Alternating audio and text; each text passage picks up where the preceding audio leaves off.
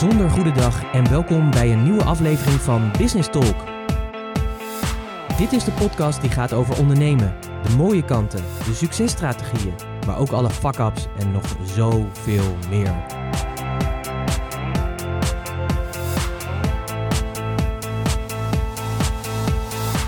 Mijn naam is Pieter Hensen, ik ben de gastheer van deze podcast en in het dagelijks leven ben ik raadgever voor leiders die impact willen maken. En als ondernemer ben jij een leider, dus welkom. Dit is de plek speciaal voor jou, waar je nieuwe ideeën en inzichten krijgt die jij weer kan vertalen als leider van en voor jouw bedrijf. Een moment om dieper door te denken en een plek met real talk. Alles met als doel dat je meer impact hebt. Dus let's talk business. Een bijzonder goede dag en super fijn dat je weer luistert naar een nieuwe aflevering van Business Talk. En deze keer heb ik weer een hele bijzondere aflevering voor je.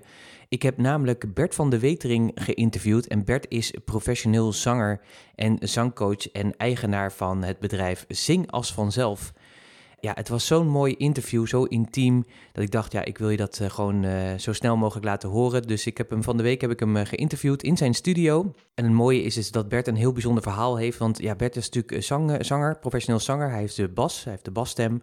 En door de coronamaatregelen vielen in één keer al zijn repetities vielen allemaal weg, ook als zangcoach zijnde. Dus toen die maatregelen kwamen, was in één keer zijn hele inkomen was, weg. En uh, ja, je moet je voorstellen dat uh, ja, net natuurlijk het zangseizoen begon met de Matthäus Passion. En je moet echt bedenken dat de meeste professionele zangers het gewoon ja, in, het, in dit seizoen, zeg maar, van het voorjaar tot en met het, een klein beetje het najaar, zeg maar, het moeten hebben van, van, van hun inkomen. Dus dit is een heel belangrijk seizoen. Ja, en door al die maatregelen stond dat in één keer stil. Heftig natuurlijk. Maar het mooie is dat Bert besloot om ja, toch iets te doen. Hij had zoiets van, ja, ik wil toch iets doen voor ja, al die zangers die thuis zitten. Er zijn uh, eh, 1,7 miljoen mensen die op een koor zitten, dus dat zijn er echt heel veel. Dus hij dacht, weet je wat, ik ga een gratis zangles aanbieden. En hij besloot om dat te doen en zijn gedachte daarbij was, nou ja, weet je, als ik ongeveer 30 à 40 mensen heb die in die zangles zitten, dan is dat eigenlijk wel heel erg mooi al. Het mooie van dit initiatief is, is dat hij vanuit die intentie dat had gedaan en het gewoon een enorm succes is geworden. Dus de eerste zangles alleen al waren er al meer dan 800 mensen die zich hadden aangemeld voor die zangles. Dus ja, die intentie die had zo'n enorme rijkwijde. En uh, ja, Bert is besloten om na die eerste zangles gewoon door te gaan. Dus hij geeft nu elke zaterdag een gratis zangles op zaterdagochtend. En uh, ja, dat is inmiddels zo gegroeid dat er ja, ruim 1300 mensen elke zaterdag dat live volgen. Dus je moet bedenken dat hij zangles geeft en dat er 1300 mensen zijn verspreid over Nederland die in hun woonkamer of waar ze ook zitten dan daadwerkelijk die zangles volgen en met elkaar dus zingen. En hoe krachtig dat natuurlijk uh, is. Nou, ik weet uit eigen ervaring, want ik ken Bert. Bert is ook een uh, klant van mij. Ik heb uh, zelf ook een keertje meegedaan in de Stille Zaterdag. Het was heel bijzonder om te zingen. Uh, en hoe bevrijdend dat ook uh, is. En in deze podcast hebben we het daar ook over. We hebben het natuurlijk over de reis die Bert gemaakt heeft, gewoon in zijn zangcarrière, maar ook als ondernemer zijnde. het gaat heel erg over loslaten, het durven kiezen van je eigen pad en het daadwerkelijk ook laten horen van je eigen stem. En de impact die het heeft en ja, de ontroering die dat ook met zich meebrengt om ja, vanuit een intentie positief uh, een initiatief te starten wat uh, zo'n enorme ja, rijkwijde heeft gekregen. Want niet alleen die 1300 mensen die luisteren, maar na afloop kunnen mensen natuurlijk ook nog terugkijken. En er zijn ook ja, zo'n 4.000, 5.000 views per uh, aflevering of uitzending of zangles die mensen kijken. Maar ook alle reacties die Bert krijgt van mensen, wat het voor hen doet. Dat mensen echt letterlijk ja, zich weer bevrijd voelen. Of dat er dingen opgelost worden. Of omdat ze ja, gewoon echt bij hun emoties kunnen. Of dat ze juist ook heel veel plezier erin hebben. Of dat ook mensen zeiden dat ze het naar vrienden hadden toegestuurd die in Italië zaten, die nog in die lockdown zaten. En op die manier een stukje ja, verrijking en zonneschijn brachten daar zo. Nou, heel erg mooi. Uh, een intiem gesprek ook vooral. En heel bijzonder, want Bert uh, heb ik gevraagd of hij ook nog voor jou speciaal wil zingen. Dus aan het einde van de, van de aflevering, dus blijf ook echt tot het einde luisteren. Sowieso, het is een heel waardevol uh, gesprek. Heel mooi, echt een pareltje weer, uh, al zeg ik het zelf. maar aan het einde van het gesprek zal hij ook daadwerkelijk voor je gaan zingen. Hij heeft het nummer And So It Goes van Billy Joel heeft hij onlangs gespeeld in een van de zanglessen. En hij zingt dit nu ook voor jou. En ja, als iemand voor je zingt, dan doet dat iets met je. Dat is ontroerend, dat, is, dat raakt, dat gaat op zielsniveau natuurlijk. En daar hebben we het ook in, het, in dit podcast-interview ook over. Wil je nog meer weten over Bert? Ik heb ook podcastnotities gemaakt bij deze podcast. Waar ik wat meer vertel over het verhaal van Bert. En natuurlijk waar je hem nog meer kan vinden, wat zijn kanalen zijn, waar je hem kan volgen. Uh, wil je die hebben, ga dan naar puurs.nl slash podcast 269. Dus puurs.nl slash podcast 269. Dan kun je daar het overzicht van Bert downloaden en krijg je die netjes in je mailbox afgeleverd. Ik wens je heel veel luisterplezier en uh, ja, geniet zeg mooie gesprek, maar ook van de mooie ervaring als Bert voor je zingt. En uh, ja, ik ben natuurlijk uh, heel benieuwd wat je ervan vindt. Ik ga snel mijn mond houden en ik wens je heel veel luisterplezier bij dit mooie en intieme, waardevolle interview met Bert van de Wetering. Nou, superleuk uh, dat je luistert. Ik zit hier tegenover Bert, Bert van de Wetering. en ja, waar ben ik Bert? Je bent in de oude ambachtschool in Zwolle, DOAS heet dat. En ehm, daar heb ik een atelier sinds januari van dit jaar. En ehm, ja, je bent in mijn, al zeg ik het zelf, toch wel fraaie atelier best wel lekker groot, 80 vierkante meter. En ehm, een oude dansschool, dus een mooie houten vloer. En ja. Precies, dat hoor je. Ja, eh, inderdaad, we moeten eigenlijk nog maar een dansje doen. Of ja, zo. Dat, gaan we straks, dat gaan we straks nog even doen. Ja, ja de, de plek waar ik heerlijk zelf kan zingen, met mensen kan werken, aan hun zingen, met groepen kan werken. Um, ja, het is voorheen was dit um, de smederij. Dus in de oude ambachtsschool is dit de smederij geweest. En uh, ja, daar heeft waarschijnlijk ook een luikje gezeten, waardoor dan... De, de, de asbest afvoering, dat soort Zoiets werd afgevoerd. dat, dat we nog bleven leven hier zo. Iets wat hier niet kon blijven in ieder geval. Ja. en um, uh, dus ja, we zitten ook al over een leuke naam na te denken nog. Uh, want ik, mijn vrouw, uh, die, die werkt, die is, het is de bedoeling dat zij hier ook wel wat dingen gaat doen. Dus we zijn nog aan het brainstormen of daar iets met een naam mee kunnen doen met iets met smederij en met wat wij doen. Uh, maar het is, nog, uh, dat is nog niet van gekomen. En er staat een piano. Yes. En yes. Uh, nou, ik ga gewoon kijken of ik jou straks kan verleiden om, uh, om daar eens achter te gaan zitten en een stukje voor ons te zingen. Ja, um, leuk. ja, de reden dat ik jou heb gevraagd natuurlijk voor dit interview is omdat tijdens de coronatijd ben jij iets gaan doen wat heel succesvol is geworden zonder dat je van tevoren had bedacht uh, dat dat dit succes uh, zou uh, hebben. Nou, daar ga ik je straks allerlei dingen over vragen. maar ik vind het altijd leuk als ik mensen interview om even een aantal tegenstellingen tegen me ja, voor te leggen. En aan jou is het om een keuze te maken tussen een van beide. En dan mag je later wel weer nuanceren, want ik begrijp natuurlijk ook wel dat het leven niet zo zwart-wit is als die hier wordt gesteld. Dus ja, laat ik maar eens beginnen met Matthäus of Johannes Persoon. ja. Als ik moet kiezen, dan is het toch de Johannes. Oké. Okay. Maar ik wil wel graag nuanceren. Ga je gang, nuanceren meteen voor ons. Uh.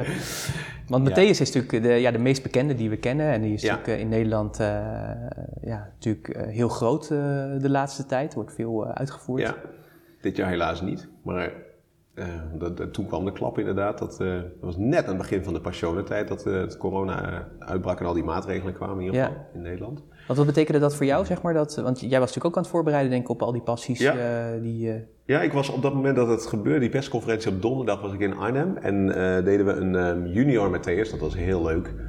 Um, ook echt een voorstelling die voor, voor kinderen leuk is. Waarin een, een vader um, het verhaal, dus naast Matthäus fragment, een fragment uit de Matthäus Passion, was er een vader die, met zijn zoon, die zijn zoon zeg maar inwijde in de geheimen van de Matthäus. Oh, en dat ja. vertelde hoe dat ging. En die zoon had eerst een stom verhaal. Ah, over schuld, over schuld, wat, wat is dat over? Waarom luister je daar zo, waarom ben je daar nou zo enthousiast over? En, en, en uh, nou ja, langzamerhand kwam hij in het verhaal en het is toch oneerlijk en dat hij werd verraden, hij heeft toch niks gedaan. Op een hele ontzettend leuke, toegankelijke manier, maar ook ontwapende manier, werd ook ontzettend goed gedaan door die acteurs, zowel die jongen als die vader.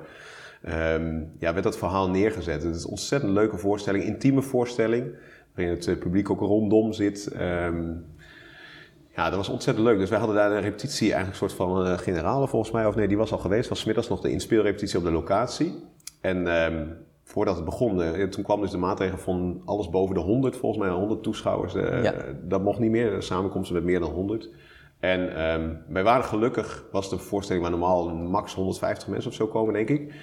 En het was, niet, het was aan het begin was nog niet heel vol geboekt.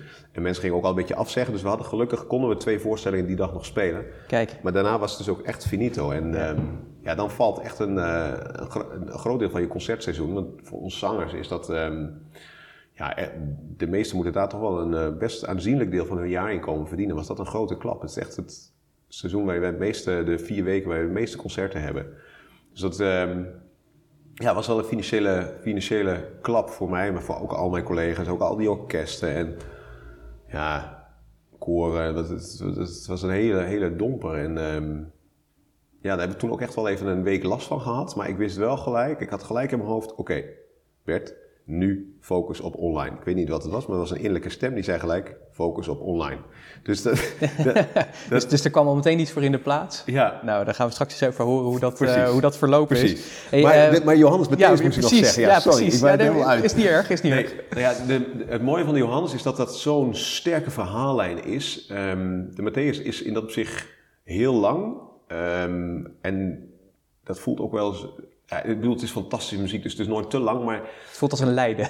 ja, ja, soms letterlijk wel, ja. Zeker als je de Christus bent, dan heb je in het tweede deel van de, heb je bijna niks meer te doen. Dus moet je heel lang wachten. Maar ik bedoel, de muziek is fantastisch, maar het is wat fragmentair. Het, um, omdat het één verhaal is, qua, dan gaat het op het personage van Judas en dan Petrus en Pilatus verhaaltje. Dus, en in de Johannes is het gewoon vooral die dialoog tussen Pilatus en Jezus echt één verhaal tussen twee grootmachten, zeg maar. En ja, dat is zo sterk gedaan. En die koren in Johannes zijn zo, zo intens. Soms echt op het duivelse af, zeg maar. Ja, dat is zo ongelooflijk sterk. Dat, daar, blijf, daar blijf je ja, het gewoon wat makkelijker met je focus bij, zeg maar. Dat dwaal je niet zo gauw af. Maar het is heel moeilijk, want in de, in de Matthäus zitten zulke prachtige noten. En uh, het erbarmen die, maar ook... Um, ik zing dan vaak of de Bas Arias of de Christus. En ik word vaak voor de Christus gevraagd. Die is in de Matthäus weer heel mooi, omdat hij wat groter is qua partij, maar heel de menselijke kant van Christus laat zien. En je hebt altijd die mooie aureool van, van strijkers overheen, wat je in de Johannes niet hebt. Daar is de Christus echt meer de koning. Dus ja, voor beide is het prachtig, maar ja, als ik moet kiezen, qua lengte en qua opbouw. Nee, dat, ja, de Johannes persoon. We, we, zijn, uh, we zijn eruit.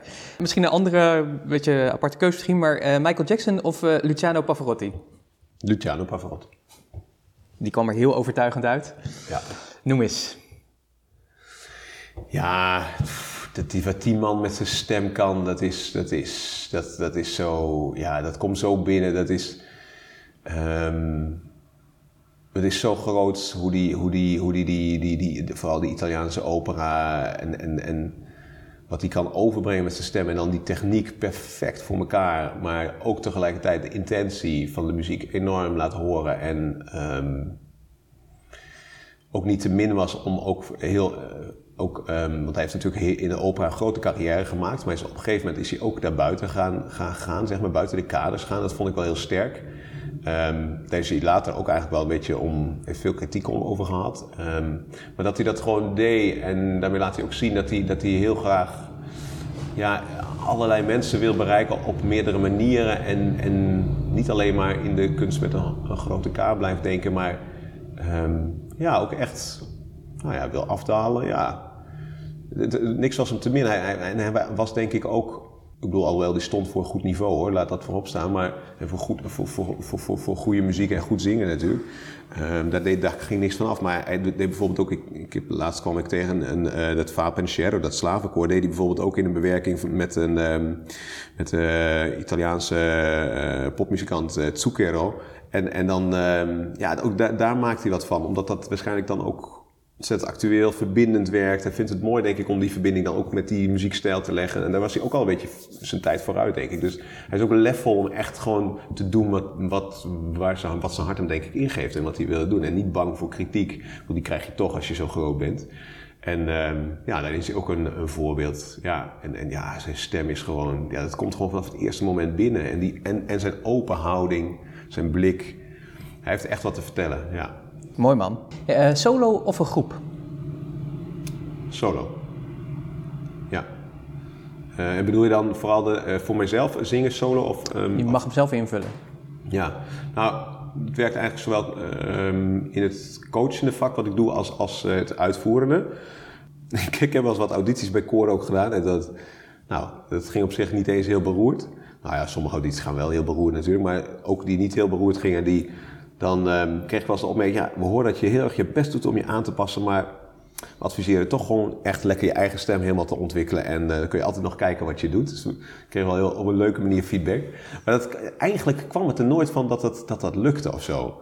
En solo ging me eigenlijk, ja, was het pad veel sneller gebaand of zo. Dat ging eigenlijk veel meer vanzelf. En um, blijkt ook dat ik dat leuker vind omdat ik dan gewoon ja, meer mijn eigenheid kan laten zien, mijn eigen kleur. En dat is denk ik wel iets wat voor mij heel belangrijk is in het zingen en in het leven. En ja, in het zingen kan ik dat denk ik heel mooi laten zien.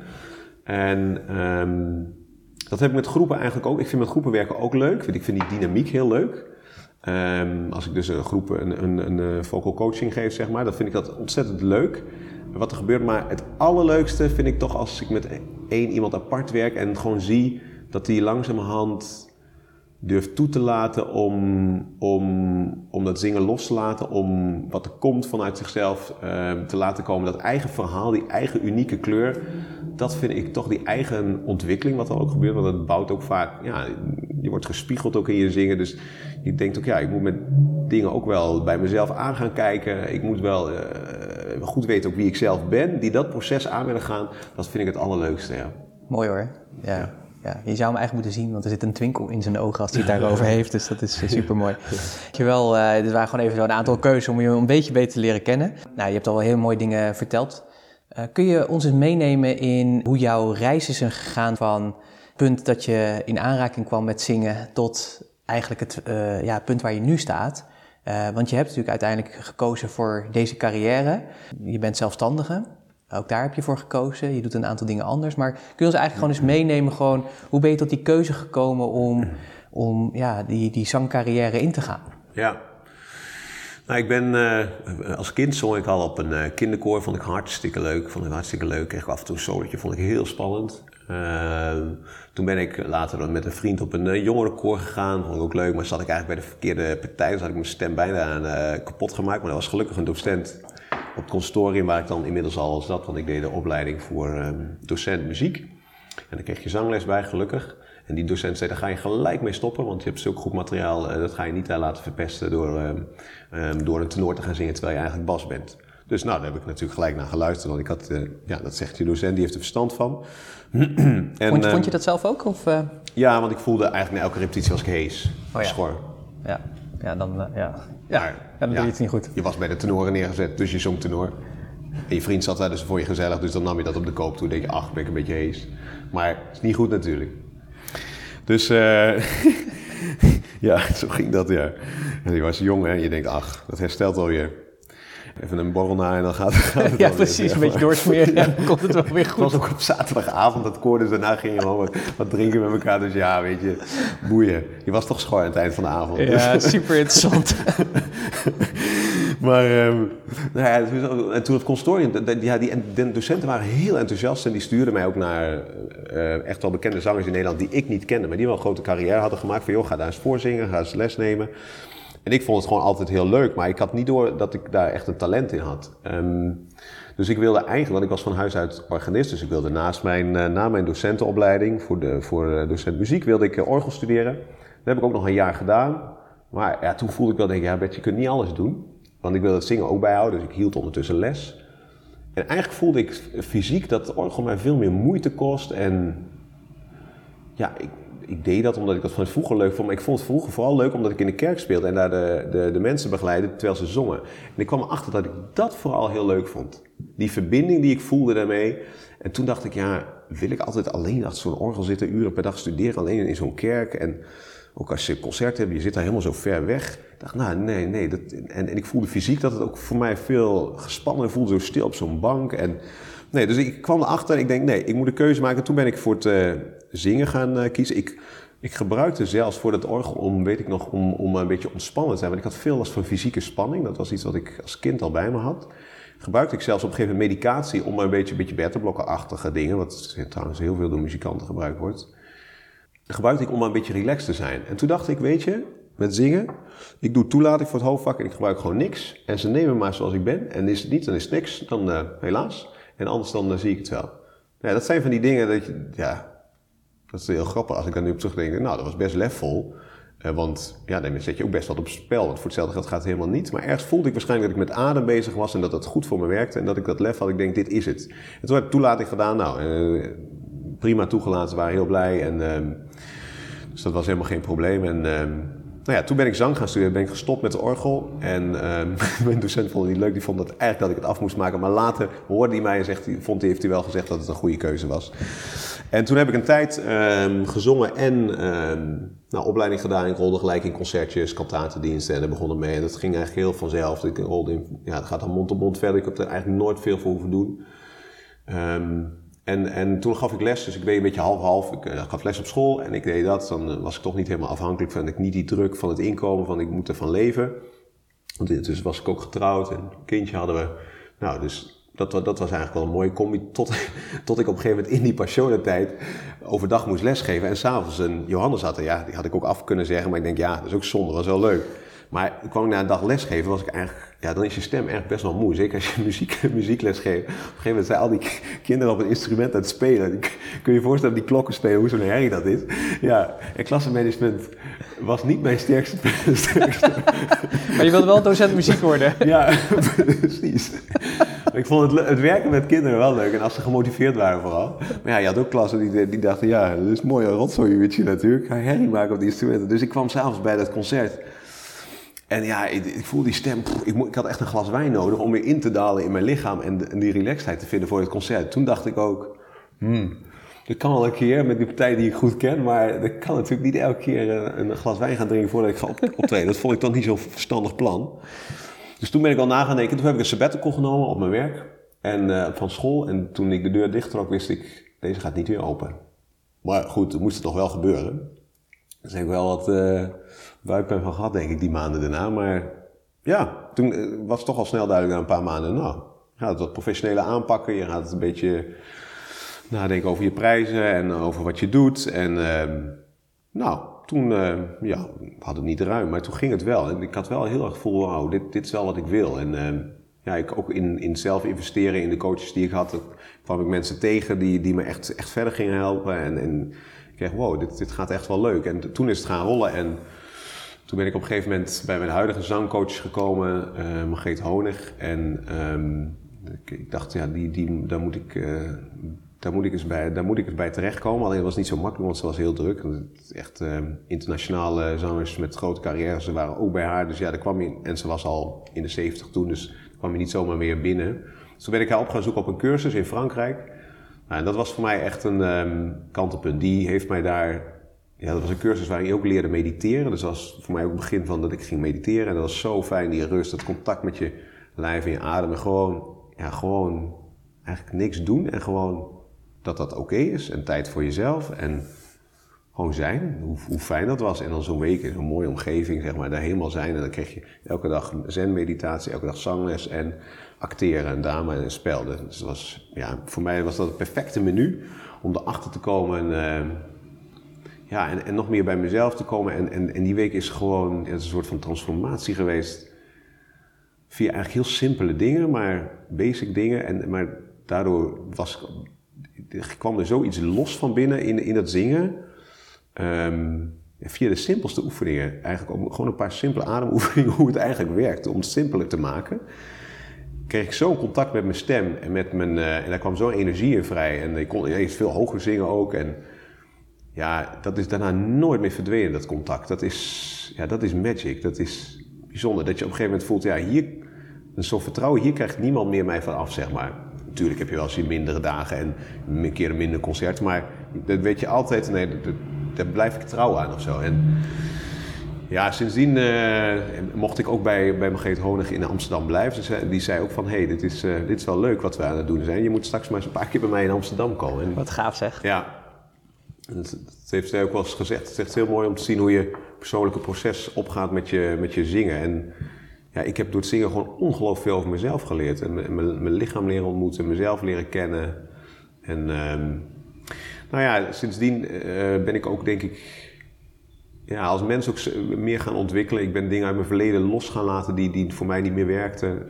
Um, het gekke was wel dat ik na die cursus wel meer last fysiek had van mijn darmen. Ik, ik had in 2007 na mijn toen ik klaar was op het conservatorium, dus dat is een aantal jaren eerder, uh, kreeg ik een, na, mijn, na mijn examen kreeg ik een, een, een, ja, een chronische darmontsteking. Dus je dacht van na je examen, nou leuk, hupsakee, die begint het.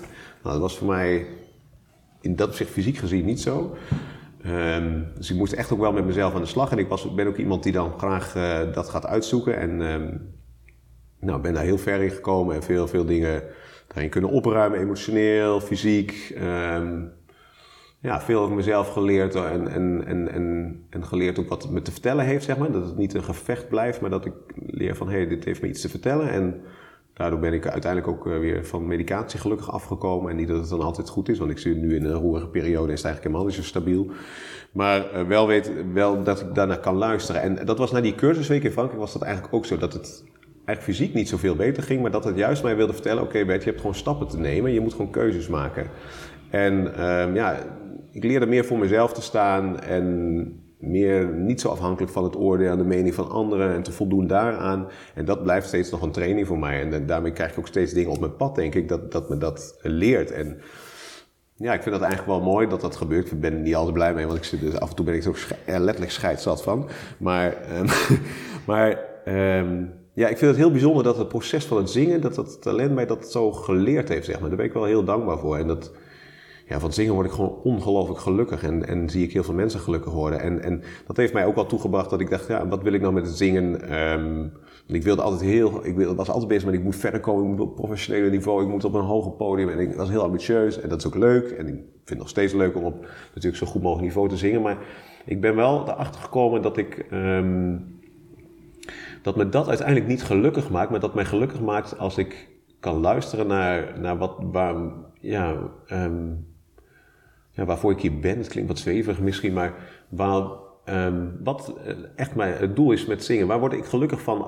En, en dat, want ik wilde heel lang dat lesgeven een beetje alleen erbij doen om, om, uh, nou ja, om dan wat basisinkomen te hebben. En, en, maar ik wilde vooral verder komen met, met, met, met zingen. Maar dat was iets, ik wilde dat zelf controleren. Ik wilde dat ik gaf eigenlijk niet de ruimte, denk ik, aan het universum, of uh, hoe je dat maar wilt noemen, of God, of, uh, ja, om, om, om, om te kijken wat is nou echt mijn pad. En dat was veel meer dat het zingen mij leerde om bij mezelf te komen, om vanuit die rust en niet vanuit die het moet dit of het moet dat. Nee, dat werkt helemaal niet, maar meer vanuit die ontspanning en, en die rust te leren van, ah ja, maar dan is het misschien leuk omdat ik eens ga na, daarover ga nadenken wat ik daarmee kan naar anderen toe ook. En dat ik dat niet blokkeer van dat is een noodzakelijk iets, maar dat dat misschien wel een wezenlijk groot, of een wezenlijk, misschien wel groot bestanddeel van mijn zingen is. En dat het misschien mijzelf wel eens verder kon helpen. Ik dacht altijd, nee, dat is een beetje noodzakelijk, maar dit kan mezelf verder helpen. Dat heeft me bijgebracht ook dat ik ja, een visie ben gaan ontwikkelen. Um, ik deed toen inmiddels ook een ondernemerscursus, wat ik iedereen kan adviseren. Um, zeker ook alle kunstenaars, want dat leren we niet zoveel. Maar als je dat gaat doen, dan leer je ook echt nadenken van... hé, hey, wat is mijn focus? Wat is mijn, waarmee kan ik impact maken? Waar, wat, uh, wat is mijn eigen levensverhaal? En ik dacht dat ondernemen alleen geld verdienen was, maar dat is helemaal niet. Ook echt jezelf leren kennen. Dat vind ik echt leuk. Toen ik met ondernemers ben gaan, uh, nou, met jou is dat ook heel leuk. Uh, is dat, ja, er zijn heel leuke dingen uit voortgekomen. Het gaat over je, hele mens zijn.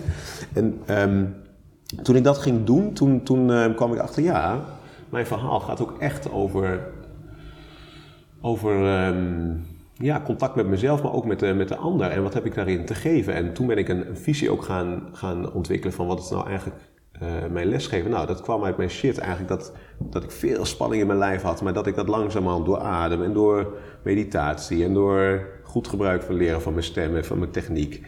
Um, en de mogelijkheid gaf om dingen uit mijn verleden op te ruimen. Dat, dat, ik, dat ik daarin veel kan, kan, kan doorgeven. En, en um, dus leerde dat mijn, mijn, mijn visie zingen als vanzelf ontwikkeld. Dat mensen door bij zichzelf te komen, ja, vanzelf ook met een hoofdletter zelf, dat je, dat je leert ontdekken, hé, hey, dit is mijn stem, dit ben ik, ik kan me leren uit en ik mag het laten gaan en ik hoef niet een rem erop.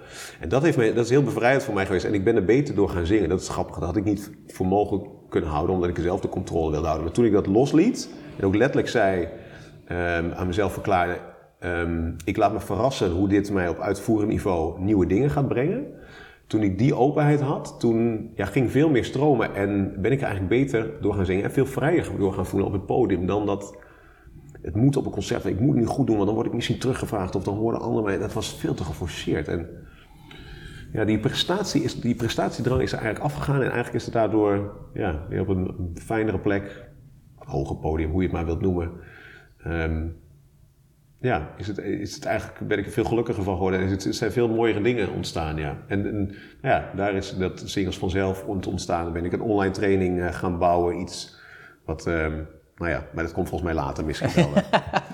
Heb ik nou je vraag beantwoord, Pieter? Of, uh, wat was de vraag ook alweer? Nee, nee ik vind het wel mooi, want uh, de vraag was natuurlijk van kun je wat vertellen over je reis die je tot nu toe gemaakt hebt. Maar wat ik, wat ik eruit terughaal is eigenlijk dat, uh, dat zie ik ook in het ondernemen, het is gewoon een reis van persoonlijke ontwikkeling. En dat hoor ik bij jou eigenlijk ook, hè, met ja. het zingen, is dat je, je, letterlijk je eigen stem vinden. Hè, is dat natuurlijk wat ik bij jou terug hoor. Ja. Maar ook ja, dat, dat, dat je, je wordt geconfronteerd met jezelf. Je ambities die je daarin hebt, blijken toch niet je ambities te zijn. Je, de andere pad kiezen. Ja, dingen opruimen, oplossen. Bij jezelf komen. Accepteren dat die ambitie ook niet hoeft, maar dat die op een andere manier vormgegeven mag worden. En dus wat ik ook heel mooi vind, is dat je dus ook eigenlijk een, een, een vorm van vrijheid hebt gecreëerd uh, denk ik innerlijk ook. Uh, en ik vind dat wel heel inspirerend. Waar denk ik ook heel veel uh, mensen die ook nu luisteren nog mee aan het worstelen zijn. En, ja, ik zelf ook wel hoor. Ja, tuurlijk, ik, ik snap dat hoor. Want het is natuurlijk, het is natuurlijk een journey ja. door je leven heen. En ik, ik kan me voorstellen dat, althans ik weet niet hoe jij dat ervaart, maar dat ervaar ik zelf ook. Ik heb ook zeker in het ondernemerschap, omdat ja, weet je, alles wat je doet en laat is je eigen verantwoordelijkheid. Hè. En dat is natuurlijk in het zingen ook. Weet je, je laten horen, laten zien. En dat is in het ondernemen ook zo.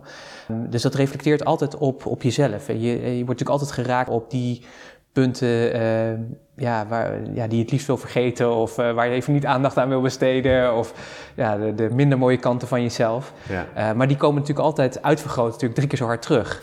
En daar ga je dan natuurlijk mee aan de slag. Dat hoor ik bij jou eigenlijk ook. maar ik geloof natuurlijk ook wel dat dat gewoon een weg is waar je je leven lang doorheen wandelt. Want ik, ik, ik merk ook bij mezelf dat ja, elke keer als je verder ontwikkelt, komen ook bepaalde thema's komen weer terug. Wel in een andere vorm. Uh, maar eh, soms heb ik ook wel eens, ik denk van, jee man, dit, hadden we toch, dit hadden we toch al, dit hadden we toch al opgelost met elkaar, toch? Ja. En, en dan, nee, dan is dat toch, toch niet zo, weet je. Dan is er toch nog een, een, een, niveau dieper nog te raken. Of je zit in een andere omstandigheid, waardoor het toch weer even getriggerd wordt. Hè? Dus uh, wat jij ook zegt, van ja, je bent nu in een drukke periode, toch gaan je darmen dan weer met je aan de haal. Het is natuurlijk ook weer een signaal van iets natuurlijk ook al eerder heeft gespeeld. En daar moet je natuurlijk aandacht aan geven. En zo ja. uh, ben je daarmee bezig. Maar wat ik wel heel mooi vind in jouw uh, verhaal is dat je ja, toch een aantal punten in je leven toch elke keer hebt gekozen om iets te doen. Wat misschien tegenstrijdig is of voelt. Hè, door te zeggen: Oké, okay, ik ga niet die medicatie doen, maar ik ga gewoon, dit is het. En take it or leave it, hè, eigenlijk wat je zegt. Wat best ja. wel uh, inderdaad een riskante keuze is. Ja. Want uh, voor hetzelfde geld was het helemaal uh, geen goede auditie geweest. En nou ja, dan weet je natuurlijk nog steeds niet hoe je pad was gegaan. Je nee. had nog steeds op dit pad kunnen komen natuurlijk. Ja. Ik geloof er ook wel in als je iets te doen hebt hier zo, dan, uh, dan ja, wordt je dat ook wel gegeven, denk ik. Uh, of in ieder geval duidelijk gemaakt, net zolang dat je er uh, een keer ja op zegt en antwoord aan geeft. Ja. Maar zo elke keer zo die aantal punten en ook die visie van jou, dat je zegt van ja, maar weet je, ik heb zelf gemerkt hoe bevrijdend het is als je gewoon ja, die innerlijke rust kan vinden, die meditatie uh, die, en, die vrijheid van ja, je echt jezelf kunnen zijn en je expressie kunnen geven. En ja, letterlijk in jouw, jouw uh, zin gewoon ja, uiting kan geven aan je boodschap. Uh, in, in een hele mooie vorm, denk ik. Ik denk dat dat zo waardevol is voor, voor heel veel mensen. Ik denk ook voor mensen die nu luisteren, die dan denken van ja, dit voel ik. Of ja. die reis die ben ik aan het bewandelen. Of ja, ja ik voel dat ik dat, dit te doen heb, alleen ik, ik, ik durf het niet aan. Want ik denk dat dat ook voor veel mensen zo is. Uh, dat merk ik ook wel met veel ja, ondernemers die ik spreek. Uh, die echt te durven gaan staan voor de visie die ze hebben. Is ook spannend. En die, dat is natuurlijk ook super spannend. maar ik denk, ook heel leuk. En ik denk dat het juist zo belangrijk is om dat wel te doen, om wel die stappen te zetten. Dat hoeft niet meteen groots. En uh, we kennen natuurlijk alle voorbeelden van de Martin Luther Kings en dat soort dingen. Hmm. Maar wat ik wel het mooie aan dat soort verhalen vind, en ook bij jou, is, is uh, door dat te doen, dus door wel gewoon jouw visie als, zing, als vanzelf uh, neer te zetten en daar ook 100% uh, op te richten. A, je wordt er zelf een beter mens van. Uh, je klanten en de mensen die geïnspireerd worden, daar, uh, die worden daardoor geraakt. Ja. Maar ik denk dat het effect van, en we gaan het daar straks natuurlijk nog verder uitgebreid over hebben, van wat dat doet, is, is ongelooflijk. En ja. uh, ik denk dat dat ook het mooie is, als je dus echt gaat voor dat natuurlijke aspect van wat, wat je te doen hebt. Ja. eh, en je daar niet door laat tegenhouden. Natuurlijk is dat met vallen en opstaan, dat snap ik ook, dat heb ik zelf ook en dat, dat heb jij ook, eh, dat hoor ik ook in je verhaal terug. Ja, dan kan er maar één ding gebeuren en dus dat je steeds meer bij jezelf thuiskomt en steeds Ja. meer echt een, en authentiek wordt, waardoor het denk ik ook makkelijker voor jezelf wordt. Omdat je antwoord geeft aan dat wat je hier te doen hebt. Eh, en dat je de- dan is het niet meer, wat ik bij jou ook hoorde, van de struggle of het gevecht van ja, ik moet dit doen, weet je, ik moet nu eh, die, die carrière en, eh, en dat soort dingen. Ja. Maar toen je besloot van ik laat dat los, ja, toen, toen, kwam, toen kwam eigenlijk al het mooie, zeg maar. Ja. De rust en ontspanning en kon je groter en mooier en, en eigenlijk misschien wel meer bereiken dan als je in die kramp en die, in die spanning had gezeten. En dat vind ik echt super eh, inspirerend, Bert, aan dit verhaal. Dus ja, heel mooi. Mooi, mooi verhaal daarin. En ik denk dat voor mensen die ook luisteren, dat dat ook ja, kan inspireren om toch die zoektocht aan te gaan. En toch te zeggen, oké, ik ben daar nog niet of ik vermijd nu iets.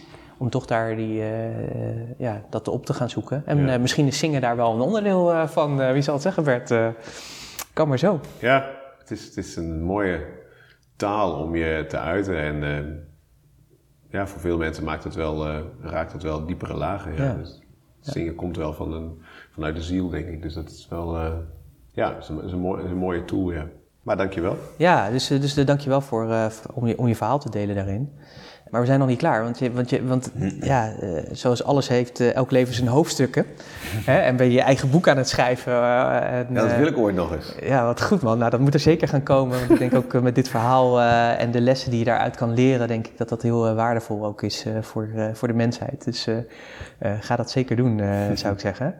Wat ik ook bijzonder vind, nou, we hebben regelmatig contact met elkaar. En corona kwam natuurlijk zo ineens binnenvallen zoals dat voor iedereen kwam. Ja, Ja, jij had zoiets van, ja, ik wil toch iets doen. Ik wil gewoon, hè, dit is gewoon eh, pittig. eh, ik, ik wil iets geven. ja.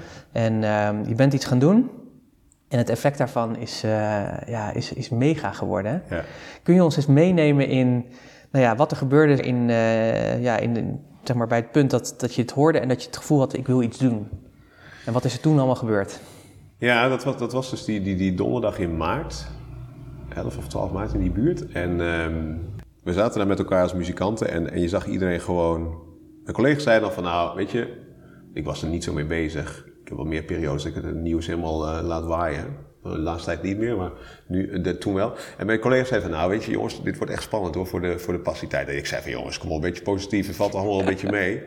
Maar ja, nog geen uur later Ja. was dus, waren die maatregelen. Ja. Nou ja, dan zie je iedereen wel echt, eh echt terug. En ja, het is echt wel een beetje verdrietige, gelaten stemming dan. eh. want ja, iedereen voelde wel aan, dit is, dit is geen kattenpies. Dus we hebben door die voorstellingen nog gespeeld. En dat was, was leuk, was ook intens, was mooi. Ehm, er gebeurden ook wel gekke dingen, maar ja, dat, dat hoort er allemaal een beetje bij. Ehm, ja, en dan ga je weg en dan weet je eigenlijk niet wanneer je elkaar weer gaat zien. Want we zouden nog veel meer eh, concerten gaan doen. En ehm, nou, de dag daarna komen dan mails en eh, ja jongens, het is toch allemaal afgeblazen. En eh, eerst probeer nog met elkaar te kijken, jongens, kunnen we niet op deze manier of op deze manier wat doen? Maar ja, ook gebouwen werden allemaal gesloten, dus dat ging niet. En ik had al heel lang een verlangen om ehm, verder te bouwen aan mijn online trainingen. Daar ben ik vorig jaar zomer mee begonnen. En dat vind ik ontzettend leuk om te doen. Ehm, ook een hele uitdaging. Ehm, maar ik merkte, ja, er komt ook zoveel ehm, werk eh, op gang daaruit. Eh, ik kreeg meer leerlingen. ehm, nou, concerten waren er sowieso. Dat ik merkte, ja, ik, ik kan het wel een beetje doorbouwen, maar ik heb daar echt blokken voor nodig om dat te kunnen bouwen. En ehm, ik had besloten dat ik dat na de passiviteit zou doen. Ik had het echt in mijn agenda geblokt. Dus ik dacht, nou. En nu kwam dit. Ik dacht, nou, mooi. Dit is dan de kans. Alle concerten vallen weg. Nu ga ik dat doen. Maar tegelijkertijd had iets in mij van, ja, maar ik wil ook iets blijven geven. Als kunstenaar is het gewoon heel fijn dat je iets kunt geven aan mensen. En dat voel je re- direct, heel direct resoneren. En er is blijkbaar iets in mij dat dat heel vervelend vindt om dat helemaal stop te moeten zetten. Dus ik dacht, nou, ik ga iets doen. ik ben soms wat naïef daarin. en ik dacht, nou, ik ga, ik ga een, een gratis zangles aanbieden. Gewoon die, de, de, de week daarna deed ik dat op zaterdagmorgen. En ik denk, nou, er zullen vast 30, 40 mensen via mijn netwerk zullen dat vast leuk vinden om, om even iets te doen. Dus ik deelde dat op Facebook met een post in, die, in de, de week daarna. Ja, en dat explodeerde toen gewoon. Dat werd, dat werd meer dan 100 keer gedeeld. En ehm, ik, had, ik wilde dat via Zoom doen, dus ik had een abonnement tot 100 mensen volgens mij. Of tot, misschien zelfs maar tot, nee, tot 100, ja, want ik had wel eens wat webinars gedaan. Daar waren we 30 tot 60 mensen op afgekomen. En ehm, ik kreeg na, toen, na, na één dag zat ik, al over, zat ik al op 90 en ik dacht, nou dan moet ik dat maar verlengen. Dus ik ben met mijn vrouw overleggen, kan het wel? Een paar honderd euro extra investeren? Ja, we hebben nu niet veel, maar kan het wel? Nou ja, zei, weet je, we nemen de gok gewoon. Als dit zo moet zijn, dan, dan zal dat ook wel goed komen. En um, dus toen heb ik hem uitgebreid naar 500. Nou, aan het eind van die week had ik, had ik meer dan 700 aanmeldingen, dus ik kon het niet eens houden. Dus mensen kregen ook echt, uh, kregen echt berichten naar van ja, ja, we konden het niet in. Dat was heel vervelend. Ik zeg, nou, weet je, ik ga voor volgende keer ga ik het proberen nog verder uit te breiden. En het mooie was, ik had het gratis gedaan. En um, dat was een handgebaar van mij. Zo van, nou, geef ik jullie. En mensen zeiden zelf in de chat, zeiden ze van, joh, um, kunnen we je niet een, een gift overmaken? Een donatie voor deze les? Want je geeft ons dit gratis en we vinden het heel leuk. Dus het werkte. Dan moet je ook altijd maar afwachten. Ik denk, doe het eerst maar eens en dan zien we of het werkt. Ik dacht, nou, dan kan ik vast wat nieuwe klanten uitkrijgen voor deze periode. Maar het werkte zo goed dat er dus zoveel mensen op afkwamen. Ja, ik denk, ja, die kan ik ook niet allemaal individueel gaan bedienen. Dus we moeten hier maar weer doorgaan. En mensen gaven dus donaties. En daar kwam een heel bijzondere stroom op gang. En toen dacht ik, ja, zijn mensen ook, je kunt het best een paar euro per keer vragen. Ik denk, ja, dat kan. Maar er is zoiets bijzonders op gang gekomen. Mensen, ik geef iets vanuit mijn hart en mensen gaan zelf teruggeven. Dan ga ik zeggen van nee, nu ga ik er toch een prijsje voor bedenken. Ik dacht, ja, dat voelde heel... We hebben het daarover gehad toen. Ik zie me nog zitten, ik denk, wat ga ik daarmee doen? Ik zat aan het schrijven en ik voelde gewoon toen ik schreef, ga ik dit op een product... Ik dacht, nee, dit is tegen de stroom in, dat gaan we niet meer doen. Dus toen heb ik het gewoon volgehouden en uh, ook wel kritiek op gehad, want uh, je mag niet gratis aanbieden. En dat snap ik op zich ook wel. Uh, je moet je product en je professionaliteit serieus nemen. Maar goed, binnen ondernemersland is het heel normaal dat je dingen gratis aanbiedt om ook ja, gewoon klanten te laten kennismaken met je product. Dus ik heb dat toch doorgezet en uh, keurig met mijn collega's over gesproken. En ze ook geadviseerd om dus wat ondernemerscursus te gaan doen. Dat lijkt, ja, dat is, dit is gewoon, um, ja, dat wordt, dat wordt, krijgen wij in de opleiding echt niet mee. Dus ik vind dat echt wel een beetje gebrek. En toen ben ik dus, um, ik dwaal weer een beetje af volgens mij. Maar toen, uh, dus toen ben ik die stroom gaan volhouden. En dat is heel bijzonder, want ik, ik, kreeg, echt, ik kreeg echt zoveel giften binnen dat ik ook um, de techniek beter kon gaan regelen. Dus ik ben van een Zoom-sessie, waar, wat eigenlijk helemaal niet geschikt is voor zingen, dus die, die microfoon, dat sloeg wat over. Maar ik ben een technicus erbij gehaald die zegt, joh, ik heb ook niks te doen, ik kom gewoon een keer bij. Die gaf ook zichzelf gewoon gratis op een keer weg. En toen dacht ik, ik zag hem al die koffers binnenkomen rijden. Ik zeg, moet dit zo groot? en, en, ik zie hem dan binnen. Hij zegt, groot joh, dit is, dit is niks voor mij. Zegt. Ik zeg, oké, okay. ik zeg maar, als we dit één keer doen, dacht ik wel, nou ja, ik denk, laat het gaan. Hè, want dan moet je door. Ik denk, laat maar gaan, die ja. stroom is gaan. Dus we hebben dat gewoon gedaan. Toen was het geluid al veel beter via de Zoom-sessie. Want hij kon dat, een heel goede technicus, Henry Paarhuis van... Uh, Stella Recordings en uh, mag een beetje reclame maken, toch? Zeker, zeker. zeker als mensen iets moois doen. Ja, die, dat, hij doet het heel goed. En um, hij heeft mij ontzettend goed daarmee geholpen. En uh, echt geholpen om daar wat moois van te maken. En toen zei hij van, joh, maar als je nou via YouTube gaat doen... dan hoef je niet eens je abonnementgeld voor um, uh, Zoom te betalen. Dat is zelfs goedkoper. En we hebben veel beter, beter geluid. En nou, dan kon ik hem ook weer van betalen. Want hij moest natuurlijk daar wel die hele presentatie maken, die hele techniek en al die goede microfoons. Want dat, dat ligt er echt niet om. Die, jongens hebben, die jongen heeft zelf ZZP'er, die, die heeft twee ton aan spullen. Nou, dan sta je corona alle voorstellingen afgeblazen, krijg je ja. dus niks. Hè? Ja, ja, en dan denk je, ja, nu moet ik misschien de boel gaan verkopen. Of, uh, ik kan, of nieuwe leningen afsluiten. Want ja, dat moet gewoon betaald worden. En um, nou ja, die kon ik daardoor ook aan het werk houden. Of, nou ja, dat was gewoon een mooie succesformule samen. En uh, toen zijn we dat uh, door gaan zetten. En het leuke van uh, YouTube is ook dat het, nou ja, er kunnen oneindig veel mensen meedoen. Dus nu hebben we, hebben nu twaalf keer gedaan, denk ik. Ja, twaalf keer gedaan. En, en um, per keer zo'n 13, 1400 mensen die meekijken. En daarna wordt hij nog, dan staat hij even online, wordt wordt zo'n 3.000, 4.000 keer bekeken. Ja, dat is, dat is bizar hoe zo'n zo, zo vlucht dat genomen heeft. En, en hoe zo'n behoefte dat vervult. Want dat is natuurlijk wel logisch. Al die mensen zitten thuis 1,7 miljoen zangers in Nederland, meer dan de voetballen. En die, ja, die willen zingen gewoon, die willen zich kunnen uiten. Dus hoe belangrijk dat voor hen is om, hun, om dat, dat, die wekelijkse koorrepetitie of, of waar ze ook maar zingen. Ja, dat ligt stil en nu zitten ze thuis en nu kunnen ze, nu kunnen ze zingen. En, en, en gewoon thuis kan dat. En ze ontdekken hun eigen stem. Ja, dat blijkt een succesformule die ik niet had voorzien, maar ja, dat is hoe bijzonder als je zomaar iets geeft. Ik had alleen een innerlijke stem, nu volle focus op online. Dat, dat heb ik gedaan, ja.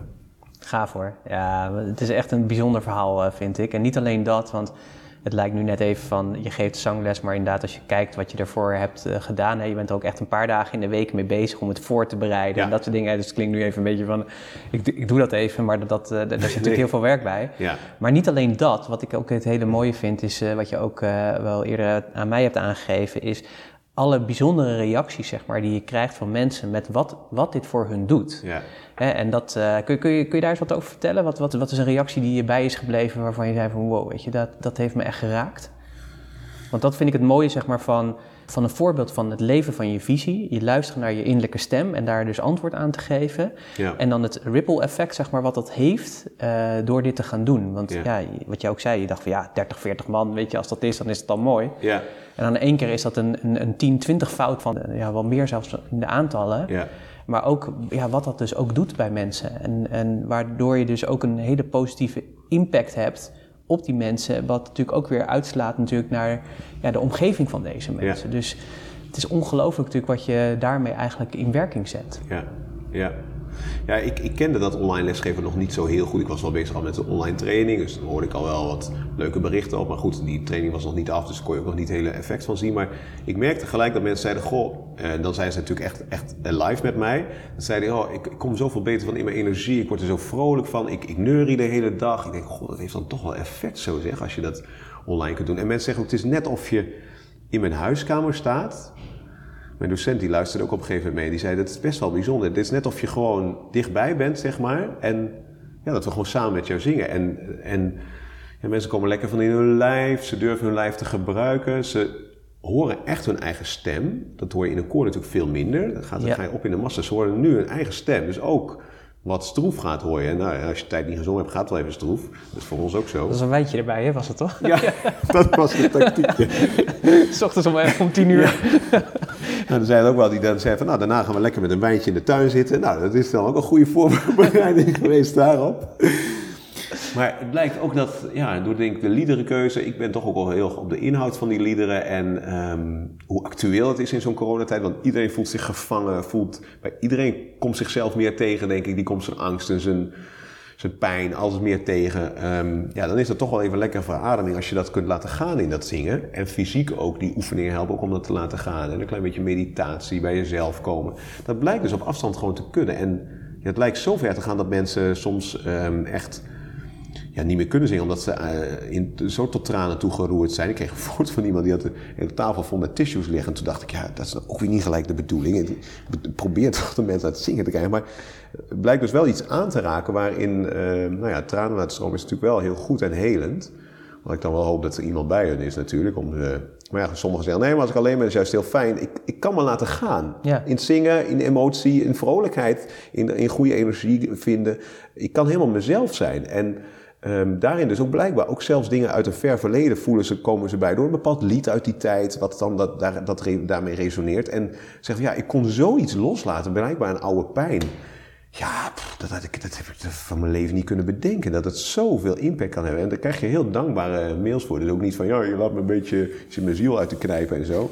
Maar Zielenknijper. ja, want dat is echt, dat is helemaal niet mijn bedoeling. Maar mensen gewoon bij hun stem brengen en lekker in hun zingen brengen. En, maar het is natuurlijk wel mooi. Er komt wel iets van de ziel mee in het zingen. Dus dat, ja, ik verwonder mij nou. Het zet mij ook aan het denken wat het zingen allemaal doet. Hoeveel verdieping dat geeft en, ehm, in een leven. En hoe belangrijk dat voor mensen is. En wat voor dankbare berichten. En, dan krijg, en je krijgt heel veel dankbare berichten. Gewoon dat mensen gewoon lekker met hun lijf bezig zijn. En gewoon lekker kunnen zingen en, en, en dat hun stem kunnen onderhouden en voelen het gaat steeds beter en een vaste ritme van maken en zelfs op de campingen doen en eh, met buren doen, met ramen open durven te doen. Ja, er gebeuren ontzettend veel leuke dingen. Dat, Mooi, hè? ze, Ja. ze nemen het op en sturen het naar vrienden in Italië die, die, die toen heftig in de lockdown zaten. Ja, met dat ik vertel, emotioneert me dat ook. eh, ja.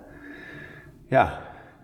Ja, mooi hè? Ja, maar dit is, ja, maar dit, dit vind ik zo het wonderlijk van. Het is zo, kijk, want het mooie is, je hebt natuurlijk eh, hiermee natuurlijk een heel mooi bereik, een hele mooie grote groep fans, zeg maar, gecreëerd. Ja. En eh, zeker, je gaat natuurlijk met dat online stuk ga je natuurlijk verder, dus ook die mensen kunnen ook verder met jou. Hè? Dus dat is een hele mooie eh ding. Dus als je dit natuurlijk niet had gehad, dan had je daar misschien ja, andere methodes voor moeten inzetten om datzelfde bereik te hebben. Ja. Maar ehm, ja, wat ik heel mooi vind is, jij bent zo puur en zuiver vanuit het geven gegaan. Ja. En, en, en dit is volgens mij wat er dan ook gebeurt. Als er ge- dus als de intentie is van ik ga gewoon om te geven, om waarde te leveren en ik laat het ook weer los, Ja. dan is dit denk ik wat, wat er gebeurt, wat je terugkrijgt. Ja, en dat, kijk, ik denk dat dat, dat vind ik sowieso het mooie van, eh, van zingen. Eh, überhaupt, zeg maar, luisteren of wat dan ook. Het, het is altijd emotie. Eh, Ja. hè? Dus als je bij een concert bent, nou, dat, dat kunnen we nu even natuurlijk minder zijn. Maar Ja. ook als je luistert. Ik weet nog zelf dat ik bij de film van Luciano Pavarotti over zijn leven was hier in het, eh, in het Fraterhuis. Mm. En, en dat gewoon, ja, ook zo'n persoon, maar ook dat is precies wat je zegt, zo'n stem en dan in een omgeving en, en er, er, er ontstaat een connectie en het raakt iets, ja, echt op zielsniveau, zeg Ja. maar. Dat is gewoon niet te beschrijven. Dus ik kan me heel goed voorstellen wat je ook vertelt, dat mensen echt zeggen van ik kan iets loslaten of ik kan iets oplossen of ik kan iets laten gaan door Ja. gewoon, eh, door te luisteren Ja, of door die stem, zeg maar. En eh, ja, dat, dat vind ik heel erg eh, mooi ook aan dit, aan dit verhaal natuurlijk, is dat ja, iets, iets wat eigenlijk een kleine intentie was, is natuurlijk enorm effect heeft dat Ja. gekregen. En eh, ja, de effecten eh, kun je helemaal niet overzien, omdat je natuurlijk maar een gedeelte eh, ziet. Maar ik weet zeker dat, nou ja, dat mensen daardoor natuurlijk geraakt worden. Ja. Want ja, ze kunnen zich uiten, ze kunnen Ja. iets van zichzelf laten zien, zichzelf weer laten kennen. En ik denk zeker ook in een tijd, en ik denk dat daarom het ook zo mooi aansloot, in een tijd zeg maar, waar natuurlijk spanning, gezondheid, eh, relaties, familie, eh, het kwam allemaal onder druk te staan hè, op Ja. een bepaalde manier. Is dit denk ik ook voor heel veel mensen een stukje bevrijding geweest Ja. eh, daarin. En ja, raakt dat denk ik gewoon heel erg mooi. En ja, voor jou natuurlijk ook natuurlijk kijkend naar eh, je bedrijf hebbende, is het natuurlijk ook naar de toekomst natuurlijk ook fantastisch. Omdat je natuurlijk gewoon nu zo'n mooie fanbase hebt opgebouwd. Ja. Waar je ook in de toekomst natuurlijk nog heel veel voor kan betekenen. En Ja. dat vind ik ook het, nou ja, dat is het neveneffect van wat hier gebeurd is. Hè. Dat Ja. is niet van tevoren bedacht of uitgedacht. Nee. Eh, wij zitten wel eens vaak te praten over hoe kun je dingen eh, inzetten en dat soort dingen. En hoe zou je dat kunnen doen. Maar ook in de gesprekken tijdens, tijdens deze fase hebben we natuurlijk ook heel veel over gehad. Van nee, gewoon volg je hart, zeg maar. En als het klopt, dan klopt het gewoon echt. Ja. En ga het dan ook gewoon doen. Dus ga er dan niet een product van maken of wat dan ook. Wat, wat heel verleidelijk is. Hè? Zeker ook met die massa natuurlijk die je hebt. Maar dan daar puur in, zuiver in te blijven. Ja, dat vind ik echt heel erg mooi, zeg maar, eh, daarin. Dus Ja. ja, ja ik vind het eh, echt een, eh, een fantastisch mooie eh, verhaal. Hoe, ja, hoe een intentie uiteindelijk zoiets moois eh, heeft teweeggebracht. En ik denk voor jou ook echt...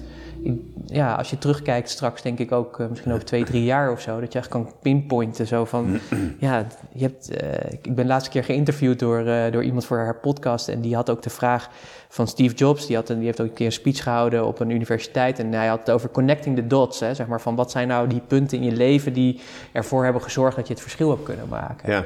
En ik geloof ook, als ik dan ook bij jou jouw verhaal hoor, kijk straks terug, dat, dat dit ook zo'n dot is weer die ja, ertoe heeft geleid dat, dat, dat, dat je daar bent waar je dan weer bent op dat moment. En dat, eh, ja, dat vind ik heel erg eh, mooi eh, om te, te ontdekken. En wat ik heel mooi aan jou vind, dat ken je natuurlijk een beetje, is ja, gewoon, gewoon je eerlijke, ja, je openheid, je eerlijkheid er ook. Ja. Eh, en dat is denk ik ook, eh, want ik heb zelf ook een keertje, dat volgens mij met, Stille Zaterdag heb je toen een, eh, een, een bijzondere gedaan. Ja. Dat heb ik ook zelf meegedaan en ik vond het ook fascinerend. Voor mijn gevoel kan ik helemaal niet zingen, maar ik heb wel meegedaan. En, en, en wat dat met je doet, als je met elkaar ja, daar aan het zingen bent. En in de wetenschap ook dat je dus met zoveel honderd man dat aan het doen bent. Terwijl je eigenlijk maar alleen in je huiskamer staat te zingen. Maar ook toch die energetische verbinding die je dan toch ook Ja. eh, voelt. Zo van, eh, wow, weet je, ik, ik doe dit, maar dit ja. is niet alleen ik. Er zijn nog eh 7, 800.000 mensen die dit ook aan het doen zijn Ja. op dit moment. Dat zeggen As we speak, mensen, ja. ja.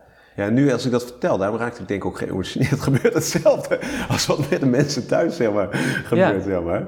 Maar ja, ervaar je hoe, hoe, hoe bijzonder dat is. Ja, dat zeggen mensen ook, dat je dat, dat je dat toch ervaart, dat je met zoveel dat samen doet. Ja, ja, Ja. dat is mooi, ja. ja. Ja, en dat je dus dan toch ook verbonden bent. Hè? Ik denk dat dat ook het gevoel is wat al die mensen hadden in Italië bijvoorbeeld, die gingen klappen. Of dat, ze, dat je toch een Ja. soort, soort gevoel hebt van ja, we, we doen dit met elkaar. We zijn, we zijn er ook met elkaar. En ja, ik denk dat ook die energetische kant die dat ook weer met zich meebrengt, dat dat natuurlijk ook heel veel positiviteit de wereld in, eh, in, eh, in slingert. En dat is denk ik ook weer ja, zo'n gevolg van zo'n intentie, eh, wat dat voor effect eh, heeft. eh. dus ja. Ja. Super mooi. En dit, ja, dit had jij natuurlijk ook niet kunnen voorzien. Je had natuurlijk ook niet kunnen bedenken dat dit, dat dit je overkwam. En toch is het gebeurd. Dat raakt me ook hoor, dat ik denk, ja, dit heb ik zelf, weet je, dit is inderdaad wat, wat er gebeurt als je een beetje leert loslaten. Dat er dingen je overkomen wat je, wat je ja, wat, wat veel, veel doet, ja. Ja. Met jezelf, maar ook met anderen, ja. Dus, eh, ja, dat, dat is bijzonder. Daar word je heel blij van, maar dat ontroert ook, ja. Dat vind ik wel, wow, dat je denkt, wow, dit had je zelf niet kunnen bedenken. Dat is wel, dat is bijzonder. Een groot, dat grotere geheel ook daar, eh, waar je dan, je denkt, wow, er is, er echt wel meer om me heen eh, wat meehelpt, zeg maar. Ja, Dus ja. ik het een beetje leer loslaten, ja. Ja, ja maar dat, dat, dat vind ik ook het mooie in, in, in dit verhaal, is de, de kunst van het loslaten. Wat voor iedereen natuurlijk, ook als ik naar mezelf kijk, het is zo, zo moeilijk zeg maar, om dat eh, te doen. Ja. Maar als je, als je het doet, ja, er komt eigenlijk altijd iets moois voor in de plaats. Hè? Dat is eigenlijk altijd de leerweg. Dus eigenlijk is het best wel raar dat als je... Want we hebben allemaal ervaringen dat we iets hebben losgelaten... waardoor er iets moois in de plaats kwam. Maar Ja. toch, ja, het, de, de wetenschap dat je iets vasthoudt... wat zo uniek je eigen identiteit is... eh, maar wat je misschien niet meer dient... Ja, Ja, en dan krijg je dit soort eh, mooie dingen. ja, ja. Zou je voor ons een stukje ja, willen laten horen wat, wat jij nou op zo'n zaterdag eh, doet? Ja, tuurlijk, tuurlijk, tuurlijk. Ik heb wel een groot repertoire. Heb je een verzoeknummer? Moet eens even denken hoor. ja, ben je met iets bezig de laatste tijd? Of, eh, Ehm, of heb je iets ter voorbereiding wat je aankomende zaterdag gaat, eh, gaat doen? Ik heb wel een lied van vorige week wat ook heel mooi is. Dat is ehm, And So It Goes van Billy Joel. En zo gaat het. Het gaat over een, een, een liefdesrelatie die hij heeft, die moest loslaten inderdaad. En ehm waar hij die heel mooi benoemt, de kwetsbaarheid die je hebt in een relatie. Dat je hart ook kan breken, dat je dat loslaat. Dat, dat, dat kan gebeuren. Ja, En dat je hart de heilige, veilige, krachtige plek is waarin dat allemaal kan gebeuren. Dat je dat vertrouwen hebt. Dat het, daar worden wonden ook weer geheeld en daar, ja. Dat, is- dat is misschien wel een mooi lied. ik eh, zou zeggen, neem, neem ons eens mee. Ik moet hem wel even erbij pakken. Is goed. Proberen? Ja, ga je gang. Ik ben eh, heel benieuwd. Eh, take it away.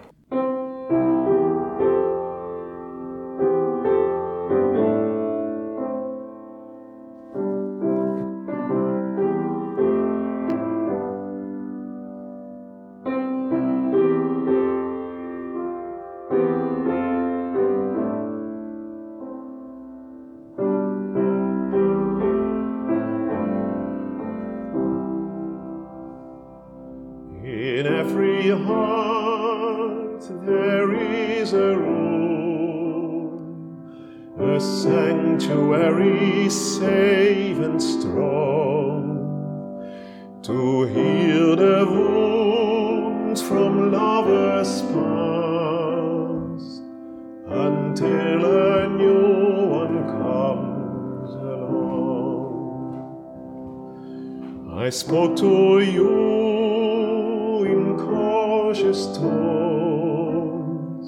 You answered me with no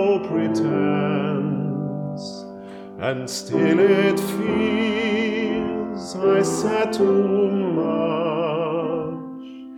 My silence is my self defense.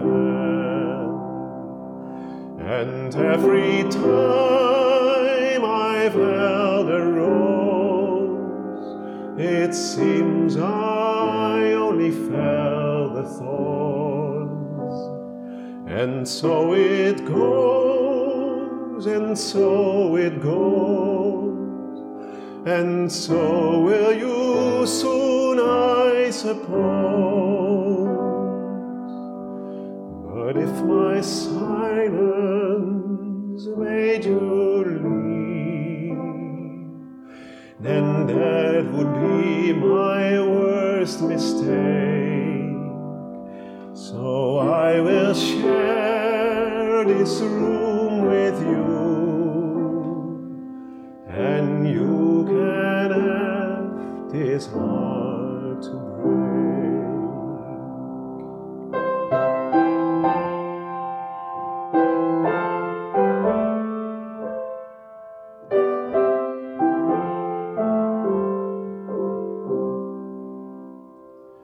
And this is why my eyes are closed. It's just as well for all I've seen. And so it goes, and so it goes. and you're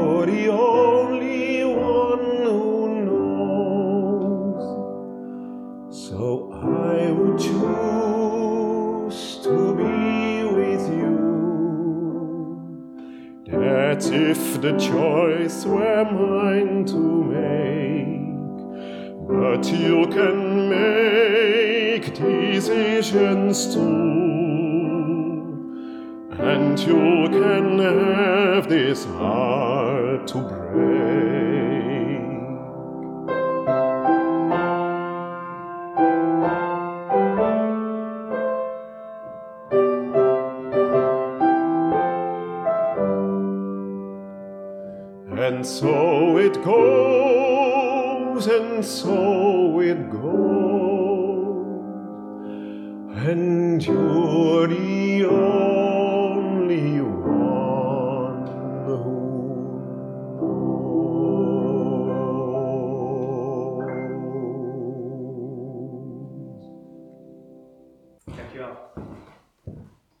Nou, zoiets. Graag gedaan, alsjeblieft. Super mooi man. Geweldig. Ja, muziek verbindt. Ja, Dat is wel, eh, ja, dat is wel echt, eh, echt waar, zeg maar. bijzonder ja. Ja, ja. heel mooi. Heel mooi. And so it goes. And so it goes. Ik zit helemaal te shaken gewoon, zo bijzonder ja. Bijzonder gesprek met je. Ja, wederzijds. Bijzonder eh, Ja, ruimte ook, ja, bied je. Dat is mooi. Dat is een compliment ook voor jou. dankjewel, dankjewel. Ja. Positieve shake hoor. Ja, ja tof, tof. Ja, ja, ik zie het ook aan Fijne opwinding. Ja, mooi. Je gaat het nog drie keer doen. Aankomende zaterdag, Ja. 13 juni. En dan nog twee weken daarna, hè, dus eh 1 juni. Nee, nog twee keer, tot 20 juni. Tot, tot 20 juni, Ja. sorry. Dus, eh, dus eh, als mensen hier nog mee willen maken, waar, waar kunnen ze zich aanmelden? Want ik kan me voorstellen dat dit natuurlijk, ja, dat de mensen als dit luisteren, dat ze denken, wow, dit wil ik wel eens meemaken. Leuk, ja, dat is van harte welkom. Eh, aanmelden kan op eh www.zingasvanzelf.nl En dan bij zangtrainingen staat, ehm, ik, eh, staat steeds samen online zingen als pagina. Daar Ja. kun je op aanmelden. Maar kan ook als je op Insta kijkt bij Zing als Vanzelf of Facebook Zing als Vanzelf, wordt ook de link steeds gedeeld. Dus kun je ook ehm, je aanmelden. Ja, van harte welkom. Ja, hartstikke leuk. Nou, ik zal eh, sowieso bij deze podcast ook podcastnotities maken, dat ik wat eh, informatie van jou daarin eh, zal stoppen. En dan zal ik ook de link even bijstoppen waar mensen zich kunnen aanmelden voor degene die dat uh, willen en leuk vinden. En sowieso natuurlijk Super. even verwijzen naar alle kanalen waar je te vinden bent, uh, zodat je ook, ja, dat mensen zeggen van ik wil meer van Bert weten. Maar ook als we, want het is natuurlijk een mooie dat we een stukje virtueel vastgoed hier hebben gecreëerd Ja. met elkaar. Ja, dus als mensen over twee jaar nog luisteren, dat ze dan ook zeggen van hé, hey, dat is interessant. Uh, uh, wie is Bert en uh, waar kan ik hem vinden? Dus Ja. dat ga ik erbij doen. Mooi, mooi. Dankjewel. Um, zijn er nog dingen waarop je terug wil komen of heb ik wat gemist in het gesprek? Of zeg je van hé, hey, dat wil ik nog even zeggen of toevoegen? Nou ja, hoe bijzonder het ook is dat je... um, ik heb jou natuurlijk leren kennen bij, um, bij een, een businessprogramma van Ilko de Boer. En um, dat het ook... Ja, wat, ik heb het al een beetje gezegd, maar ik vind het toch bijzonder om te bevestigen dat ook bij, met ondernemers zo fijn is dat het over de hele mens gaat. En um, hoe zo mooi uh, je relatie je daar ook in kunt opbouwen als je daar samen op gaat met het bouwen van, uh, helpen bouwen van iemands bedrijf, wat jij echt heel goed doet. En uh, ik, vanaf de, de, eerste tip heb ik gewoon heel veel aan gehad. En dat dat gewoon nodig is, ook om in die persoonlijke ontwikkeling verder te komen. Dus dat dat heel erg samen, samen opgaat. Dus dat, ja, dat, dat is in het zingen zo. Maar ik dacht dat het vooral in, in kunst heel erg is. Natuurlijk, iedereen heeft zijn persoonlijke ontwikkeling. Maar het is ook in je ondernemerschap enorm uh, zo. En ik vind dat jij daar ook zo mooi op de ruimte voor hebt. Nou ja, dit, dit, mooie gesprek ook, waar ik je heel erg voor wil bedanken dat je me uitgenodigd hebt daarvoor. En um, ja, ik kan dat iedereen ook aanmoedigen om dat, om dat echt te doen. Dan gaat ook alles, het geld verdienen, maar ook, ook, je, ook je eigenheid, je plezier vooral natuurlijk. En, en je impact die je kunt maken, wat natuurlijk uiteindelijk gaat, zodat we die wereld een stukje mooier maken met elkaar. Ja, dat gaat dan heel erg mooi samen op. Dat, dat, dat vind ik wel, uh, dat is voor mij echt een enorme eye-opener geweest. En uh, dat vind ik wel mooi om nog uh, een keer te noemen, ja. En eh, nou ja, als heel veel ondernemers gaan zingen, dat is denk ik ook een heel goed, eh, een heel Dat goed is, idee. dat is ook een interessant. Misschien moeten ze een, eh, een, een, masterclass gaan, eh, gaan bedenken voor ondernemers. Ja, hierin, eh. dat is wel een leuk idee. Ja. ja. Wat losser te komen, wat vrijer. Ja, het naar je werk, zing het naar je werk. ja maar Ja. Ook, ook zingend je boodschap vertellen, zeg maar. Dat, eh, Ja. ja, daar moeten we eens even over doorpraten. Ja. praten. Daar gaat weer een lampje branden. Dus eh, Leuk. dat is heel erg eh, mooi. Eh, Bert, ik wil je heel erg bedanken voor dit, eh, voor dit eh, bijzondere gesprek. Ook, eh, zo heb ik het ook ervaren. Eh, mooi verhaal natuurlijk. eh, maar ook, wat ik ook mooi vind is de positiviteit die hierin doorklinkt. Ook, eh, ook in tijden dat het misschien even wat minder eh, kan gaan. Ehm ja, eh dankjewel. Graag gedaan.